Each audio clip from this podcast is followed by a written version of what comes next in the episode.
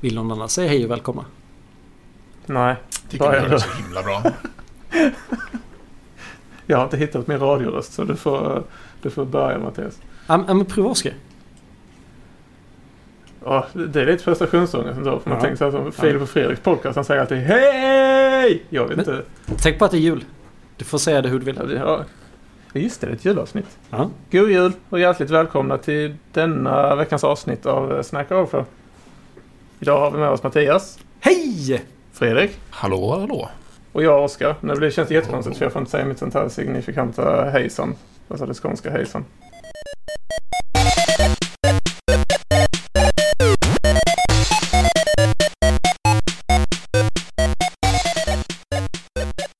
Bra, Och- vi klipper inte bort något av det här utan så här började vi Nej. avsnittet.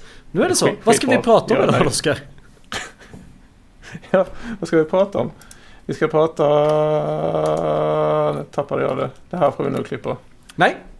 Okej, det kan vi inte klippa. Oskar, vad ska vi prata om idag? Eh, hur man arbetar med legacy. Hur man arbetar med legacy. Hur menar du då? Typ såhär gammal kod. Jag tror vi får börja med att definiera vad legacy är. Det tror jag är en term som eh, många har en egen uppfattning på. Men när vi pratade om det här häromdagen så kom jag till en insikt i att det finns oftast en tidsaspekt i legacy, att det är något gammalt. Men det slog mig att den är relativ. För att man kan skriva någonting en fem minuter sedan och det blev legacy direkt. Så legacy är någonting som är relativt, som blir en skuld. N- någonting som är relativt tidsmässigt som blir en skuld för projektet man jobbar i. Du, du Men det menar... behöver inte vara, det slog mig att det behöver liksom inte vara gammalt. För jag tycker legacy, när man- jag tänker på det så tänker man att det är gammal kod. Så här, två år gamla saker som vi måste skriva om. Men, men ska vi, kan, kan vi säga att legacy är någonting som inte längre följer de kodstandarderna vi vill jobba efter då? Ja, och Um, så är det så enkelt? Man kan ju ändra sig på fem Nej. minuter. Nej, Nej. det vill jag inte heller hålla med om. Nej, Vi har ett specialcase där, där vi har legacy-kod som följer alla kodstandarder och är helt korrekt gjord. Men? Vad är det som är Ah, legacy då? Jo, det är nämligen så att vi har en del av vår kod som är server-side-renderad eh, med JavaScript som server-side renderas. Den är gjord i Vue, den är liksom modern på alla bra sätt. Men vi har ops-problem som gör att varje deploy för med sig en ganska stor risk att vår server går ner. Så vi drar oss för att deploya, därför det kräver väldigt mycket arbete. Det har effektivt gjort hyfsat modern Vue-kod till legacy, därför att vi inte kan ändra på den utan att slå sönder våra miljöer och måste ha någon som står redo att starta om servrar och logga in på Windows-grejer. För, för att opsen är legacy, men kod, vi, är liksom beroende, vi har modern kod som är beroende av legacy ops. Mm. Så därför blir koden legacy också. Men kan man inte... Jag, jag skulle ju kunna tycka då att då är det ju Nux-grejerna som är legacy. Nej, det är inte Nuxt. Det är alltså, det är alltså eh, viss del av vår JavaScript-kod. Alltså den statiska JavaScript-koden skickas ut av servern. Aha, okej. Mm. Så, så vissa saker ligger, ligger i Azure-repos och vissa servas av servern. Och Okej. de kan vi inte ändra på. Eller det finns det väldigt bökigt att ändra på dem. Jag förstår att jag inte förstår. Jag går vidare.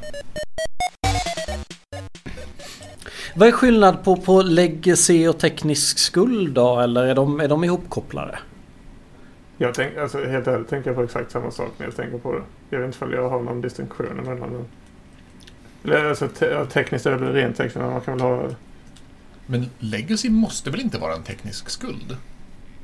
ja, Det kan ju vara dåliga UX-problem eller... Nej, men, men, men bara för att någonting är gammalt och att man har... Alltså, bara för att någonting är gammalt så behöver det inte vara så att det finns ett behov av att ändra på det för det. Du kan ha en jätteväl fungerande eh, gammal legacy-produkt. Men om, din, om den inte ställer till med några problem så behöver den inte vara en teknisk skuld. Medan du kan göra någonting som är modernt som inte är legacy som är en enorm teknisk skuld. Men för mig är legacy så synonymt med något negativt. Så även för produkten är gammal så tycker jag att man svärtar ner den. eh, identitet med att säga att den är legacy. Men får jag lägga på en aspekt till då? Eh, Ja. och jag vet inte om det lägger sig eller teknisk skuld. Men ett projekt som funkar klockrent kunden eller användaren älskar det. Men ingen, ingen vill maintaina det för det, det, man vill inte jobba i det. Men man behöver inte ändra något i det. Är det, är det legacy och teknisk skuld då? Då kanske det är legacy men inte teknisk skuld. Och skulle man vilja Ja, göra det är ett problem. Hur är det ett problem? Alltså, jag menar, ja, men då, då tycker jag man kan säga legacy. För då är det ett problem med att den är gammal. Gammal, Att någonting är gammalt är i sig, precis som Fredrik säger, inte något negativt. Och då Nej. tycker jag personligen inte att man ska benämna det som legacy. För att om man tar typ så här classic case, ingen skriver COBOL längre. Det är ju legacy för att man har, då har man ju ett legacy-problem att ja, det finns inga människor som tycker om att skriva COBOL längre. Vi, vi har lite samma sak i, i mitt uppdrag nu. Det finns liksom den gamla sajten och den nya sajten och beroende på vilken URL du slår på så kommer du på olika ställen. Och den ena skapas av Epi och det finns ingen som vill koda Epi. Och där, där har vi ju definierat det som, där är ju det liksom legacy men vi har inte riktigt någon plan så att säga att det är teknisk skuld vet jag inte. Nej, vet du vad? Jag tycker inte riktigt vi kommer någonstans i de här termerna. Vi jobbar i projekt hela tiden. När, när stöter ni på det här och liksom legacy eller teknisk skuld? Du får använda vilken definition du är sugen på. Jag vill prata, hur gör ni, vad har ni för aktiva strategier själva eller i teamet för att hantera och minska den dåliga koden? Alltså vi, har ju, vi har ju vårt case med den här svårutbytbara delen av kod. Så i, I vårt fall så tycker jag att jag kör lite på JavaScript är fantastiskt och allting är objekt. Så om man bara kan hitta en injektionspunkt, och det, här, det, det fungerar väldigt bra i JavaScript, men det fungerar säkert på andra ställen också, så kan man gå in och Alltså, hittar man ett ställe att injicera egen kod så kan man skriva över gamla funktioner med nya funktioner som man själv injicerar in senare. Med, med sånt som är mer deploybart. Det, det är lite som att ha en gammal COBOL-server och sen så bygga moderna API som sitter framför så man kan göra webbanrop mot någonting som absolut inte är gjort för att göra webbanrop mot. Men Någon typ av divide and conquer ett- nästan då. Ja, jag menar att, för, för då kan man ju liksom, om man kan sakta men säkert göra alla de gamla funktionerna irrelevanta, Mm. så kan man till slut avskaffa dem. Ja. En, en sak som vi har gjort är att vi har gjort en metod som är typ så här, hem, det finns ett, ett objekt liksom i, i Windows som har typ en massa saker på sig. Mm. Men istället för att våra, våra utvecklare nu ska använda det objektet direkt så har vi gjort en utils-metod där man kör den metoden och får det objektet Mm. må låta jätteenkelt att vi har en metod som bara returnerar det. Men då får vi ett ställe där vi kan injicera in förändringar. Så Mm. om vi vill byta ut någonting eller vi vill ha någon sorts lins på som ändrar på saker eller ändrar på properties eller byter ut till en ny metod, då kan vi göra det där.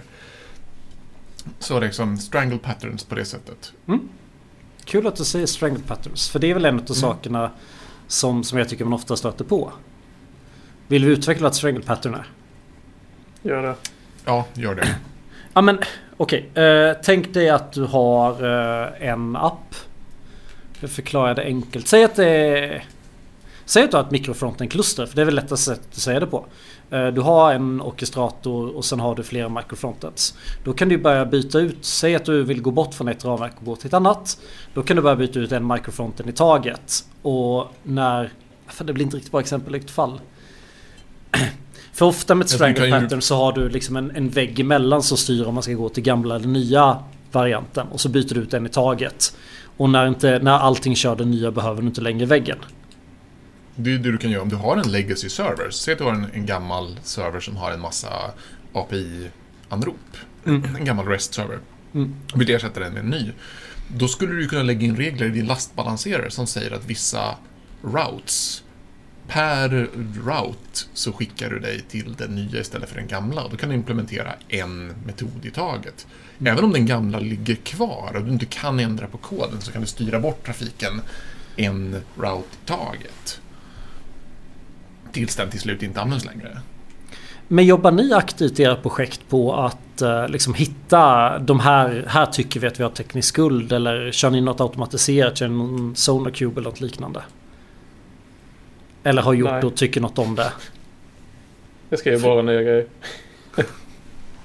typ, jag, det, inget jag har skrivit än har blivit tillräckligt gammalt. Nej. Den dagen, den sorgen. Jag, jag kommer väl in, jag kommer väl inifrån då. Eh, alltså fr- från mig själv. För vi har ganska ofta liksom så här. Det märks att den här sidan är ganska snabbt ihophackad. Och nu ska den börja närma sig släppbart tillstånd och gaffatejpen börjar, börjar spricka liksom redan innan den ordentligt har släppts. Mm. Och då är det så här, hur tar vi tag i det här? Och, för jag är inte riktigt nöjd med hur vi gör nu. Det vi gör, det är att så här, är du inne någonstans försöker du göra koden bättre. Men det är verkligen så här, rucka lite lätt på gaffatejpen. Om det är liksom oftast så behövs det ändras lite i fronten och backen. Då behöver vi skapa en uppgift så backen kan göra ett jobb först så vi kan göra det sen. Uh, vi har ja, massa Ja men, men säg typ data, vi vet inte riktigt hur konsekvent datan är. Backend har gått i generationer också. Så data som vi nullcheckar kan aldrig vara null för då är parent-objektet null. Massa, massa sådana små saker. Vi har inte riktigt bra sätt att hantera det på. På samma sätt har vår UX liksom växt fram. Vi är inne i tredje generationens UX-are som nu jobbar på det. Den här verkar vara en väldigt bra generation. De tar tag i det. Om ni lyssnar på förra avsnittet om designsystem så förstår ni vad jag menar. Så det vi gör nu det är verkligen bara Boy Scout och försöka förbättra en fil i taget. Tittar vi något liksom så här, det här är lite större. Då lägger vi en liten issue i Jira. Eh, som vi hoppas blir prioriterad snabbt och då blir den oftast. Eh, och mycket, gör man någonting så kan man oftast byta ut mycket av designkoden mot, mot UX-arnas kod, nya designsystemkod. Men jag vet inte. Jag har lite dålig magkänsla. Det är den jag skulle vilja bearbeta mer. Men Känner du att ni får eh, stöd och tillåtelse av, av business så att säga för att göra den här typen av förändringar? Jag tycker det ofta kan vara kritiskt om det, om det finns en förståelse för att gaffatejpen måste säkras upp. Jag tror att det förstås jag tror de nästan mer hade, accepterat om vi sa att nu skulle vi behöva lägga fyra veckor på att jobba med de här fyra sakerna. Men vi vet liksom inte riktigt vad det ska vara för det, det är många små bitar gaffatejp överallt. Och det är kanske att vi inte är nöjda med kodstandarden som är längre. Ja, men, som ett konkret exempel, vi är inne på Ja men vi håller på, man, man, insåg att man inte alls behövde React Sagas. Så nu håller man på att byta till Sustan. Och nu när vi har kommit en bit och byta till Sustan. Eh, Oskar ser förvirrad ut. Sustan är en ny stor hantering från några... Från ett coolt gäng. Det, det är en ny Redux helt enkelt som är mindre boilerplate. Hmm. Hmm. Sustan Z, U, S, D, T. Ja, och så vidare. Uh, och halvvägs in i införandet av Sustan inser vi att så här, ja, men behöver vi ens stores till det mesta av det vi gör? Så det känns lagom till att vi liksom börjat göra en teknisk förbättring så landar vi att den inte är bra. För, för kontext är ganska ny uppdraget, jag förstår inte riktigt helheten än. Jag förstår bara painpointsen, jag har ingen bra idé på lösningen. Har ni varit i något liknande? Har ni alltid bara jobbat med ny och fin kod hela tiden? Och den här, är, den här är liksom inte gammal. Det här, det här är ett Next 12 projekt. Så det är inte gammalt heller liksom. Next senast, näst jag senaste. Utsatte mig, principen egentligen som jag utsatte mig för tyckte jag var ganska bra. Jag, jag fick för mig när de skulle, var det, för, var det React 17 de kom med Hux? Kommer du ja. ihåg det Fredrik? Mattias Eller 16 fast 16 punkt någonting. Ja, för jag, jag var helt övertygad om att jag läste i, när de släppte en medieversion. När jag låg på den medieversionen som inte hade Hux utan de gamla callback-metoderna. Om, om, om, om du inte kan React och lyssna på detta, bear with me. Eh, så jag hade läst att nästa medieversion som släpps, då kommer det här vara breaking changes. Jag var helt övertygad om att det skulle vara breaking changes nästa.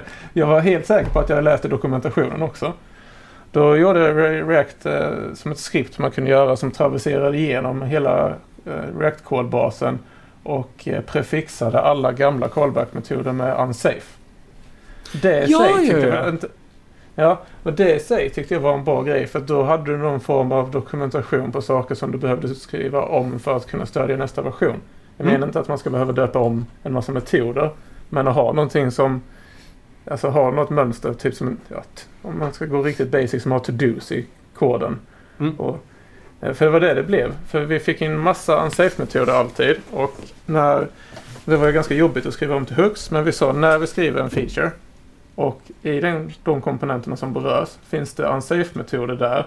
Så skriv om den så att det bara är Hux. Och det gjorde ju, och det clearade vi med vår ledning. Liksom så, det här kommer ta längre tid eftersom Oskar han har prefixat hela kodbasen. eh, eh, men eh, det, och det grenade ju ofta uppåt. För skrev man om en, eh, en komponent ganska långt ut som hade eh, de gamla callback-metoderna så grenade det oftast uppåt. Så man behövde skriva om ganska mycket mer komponenter än som var berörda som featuren. Så vi fick ganska långsam hastighet över tid initialt men sen så för att vi var ju tvungna att lära oss Hux också. Mm. Eh, men att få något så här. Jag tyckte det var riktigt nice att få att ja men om det inte är för krångligt när du söker skriva en feature som berör de här filerna passa på att uppdatera dem då. Du fick så liksom så man, man sökte, bara, sökte bara på en safe i kodbaserna och eh, då fixade man dem allt eftersom. Sen blev det lite dålig stämning när jag var tvungen att krypa till kurset och sa just det, jag ljög om att det skulle vara breaking changes när det blev reaktoratorn. Jag var helt övertygad så jag ljög inte medvetet men jag, jag omedvetet ljög jag. Ja. Ska man kalla det för en vit lögn då? Nej. Men äh, ja, det, det tyckte jag var ett bra tillvägagångssätt faktiskt. Du, du propagerar för att om man har ett gammalt, om man har ett nytt mönster som man tycker ska ersätta ett gammalt mönster. Så på något sätt verkligen trycka igenom, trycka igenom det. Ja, vad, vad som än funkar. Liksom att man mm. dokumenterar där man behöver skriva om. Ja. vad som än passar. Alltså det finns ju tusen sätt att identifiera de här. Det finns säkert system för att identifiera skuld också som påminner och skickar notis och allt. Men mm. bara någonting. Eh, för att vi hade en jättestor kolbas. Alltså det var en stor React, eller flera stora React-applikationer. Eh, så det var väldigt mycket som behövde skrivas om. Eh, och liksom, förr eller senare så kommer de, jag vet inte om de är, nej de är inte breaking changes än, men de förr eller senare kommer de att vara det. Och det jag tycker, jag vet inte. Man känner igen från gamla avsnitt, jag är en stor förespråkare att ta tjuren och honom direkt. Mm. Sen är inte det alltid så enkelt om man inte, för vi fick grönt ljus från vår ledning att göra det. Det är inte alltid man får det i så stor utsträckning. Men kunde ni sprida ut över tid? Liksom gjorde, när man ändå är de här filerna så uppdaterar man det? Eller gjorde ni liksom... För vi hade... Uh, vi använde MUI på uppdraget Material UI. Uh, och då hade man använt så här. Man skriver CSS i en egen fil och sen importerar man den och så kastar man in den i en hjälpmetod som heter MakeStyle. Och det deprekerade MUI och tillåter inte lyfta upp till React 18 därför.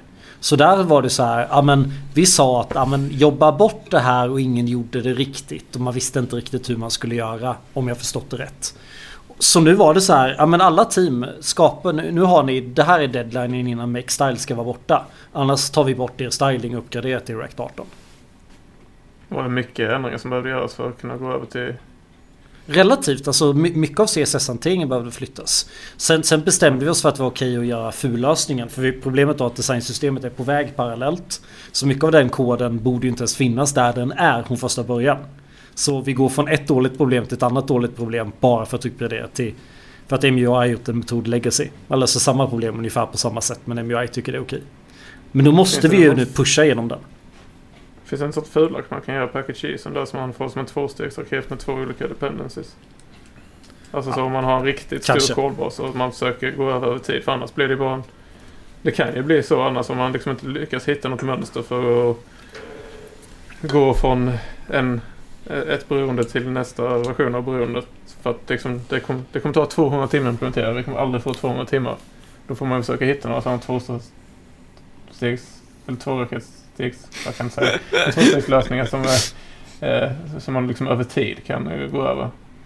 Och de där är lite, jag har ett, ett, ett gammalt exempel. När, alltså, om man vet att man har behov av att lyfta någonting. Eh, I det fallet så var det databasläsning. Alltså en backend-applikation som behövde läsa data ifrån en SQL-databas.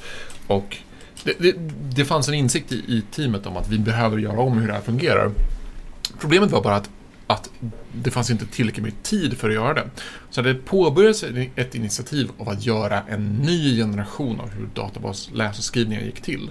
Sen hade det legat på is ett tag och inte fanns tid till det och när det var dags att fortsätta med det här så kom det en ny generation av nya saker. Alltså, man hamnar i ett, ett perpetuellt liksom, evighetsarbete av att, att få olika generationer av uppgraderingar som lever samtidigt. Vi levde då med en originallösning, en mellanlösning och en modern lösning samtidigt i samma applikation och det fanns ingen möjlighet att hinna med att lyfta allt i samma. Så man kan hamna i det att, att försöket av att lyfta någonting gör att men du kommer en tredjedel av vägen. Och sen så kommer det en ny grej som du måste lyfta nya saker till. Och så får du de här samtidiga olika sakerna om du inte får tid att göra klart. Mm. Vad var rotproblemet där då? Fick ni inte tillräckligt med tid eller var Vi det för komplext? Eller? Nej. Och, och den, den utvecklare i vårt team som kunde det här tillräckligt mycket bra för att driva det hade alldeles för mycket annat att göra. Ha, vi är dags att sammanfatta. Vi vet inte riktigt vad skillnaden på legacy och teknisk skuld är. Eh, uh, Boy Scout Rule, förbättra koden där du drar fram alltid. Borde man kanske alltid göra. Ibland borde man uttala det ifall det luktar lite extra. Man ska låta Oscar ljuga för att påskynda teknisk förbättring. För du visste ju att det var en teknisk förbättring så du tog en svart lögn bara för att förbättra det. Nej, jag, alltså jag var på riktigt helt övertygad om att jag hade läst det i React-dokumentationen. Jag, jag var så övertygad så jag inte ens liksom extra kollade att jag faktiskt hade rätt. För, för övrigt 16.8. Extra boom. kolla ifall breaking changes verkligen är breaking changes. Ja, det, det, mitt tips. Och legacy är en relativ term. Det kan vara legacy strax efter att du skrivit det. Vi vet inte riktigt hur. Så vi kom ingenstans idag helt enkelt. Men någon kanske blir inspirerad att göra någonting. Vad har ni för veckans tips? Nej, men du, du tyckte jag skulle tipsa om ordet kymigt. Använder inte ni det i Stockholm? alltså jag, Nej men alltså jag, Ja, jag vad- förstår det knappt ens. Mög har jag lärt mig förstå. Ja. ja, Så, så berätta. mäckigt använder ni väl i Stockholm? Ja. Ja, Ja. okej. ja. Men jag, jag kollar här på synonymer.se på kymig och det är okamratlig, otrevlig, nedrig, lumpen, gemen, tarvlig, taskig. Är det samma jag säger sak bara- som, vad är, vad är det? Det är ett, ett blekingord så det borde också kunna Oskar. Eh, Ja. och, och nu kommer jag inte på ordet. Typ en synonym. Tyken! Är det samma sak? Det använder jag inte alls. Du ska vara från på Blekinge. synonym. Ja, jag, är, jag är faktiskt från Skåne. Men i Skåne så respekterar man inte att jag säger att jag är från Skåne. Tyken är elak och oförskämd och dum. Lite hårdare alltså. Ja, lite högre. Mm. Undrar om man kan säga att någonting är tyket då. Man måste säga det med min eh, dialekt också, annars är det inte kul. Får man tipsa om det som står högst upp på listan att vilja lära sig? Ja. För, för, för min pendel har ju slagit tillbaka. Så om jag orkar göra ett hobbyprojekt nu i jul. Så, så skulle det vara väldigt inriktat på... Jag skulle gärna köra Nex eller Nuxt och köra API där. Om jag tar den smällen med server-side rendering. Då vill jag också ha min BFF eller till och med hela, hela min backend i samma repo. Om jag ändå tar server-side renderingen så jag ändå måste hosta den på riktig maskin. Och då skulle jag vilja att pendeln slår tillbaka så jag inte kör backendless utan faktiskt kör eh, riktig SQL-databas med en objektrelationsmapper och kör lite Prisma JS i jul. Det verkar faktiskt kul. Wow. Bara för att cirkeln ska vara sluten. Det vore kul att prova för att se liksom så här, är, är det kul att skriva när, när SQL har fått det, det verktyget, det metaramverket ovanpå det förtjänade. Funkar det vettigt igen då? Är alla pains vi hade med backen borta då? Det är mitt tips.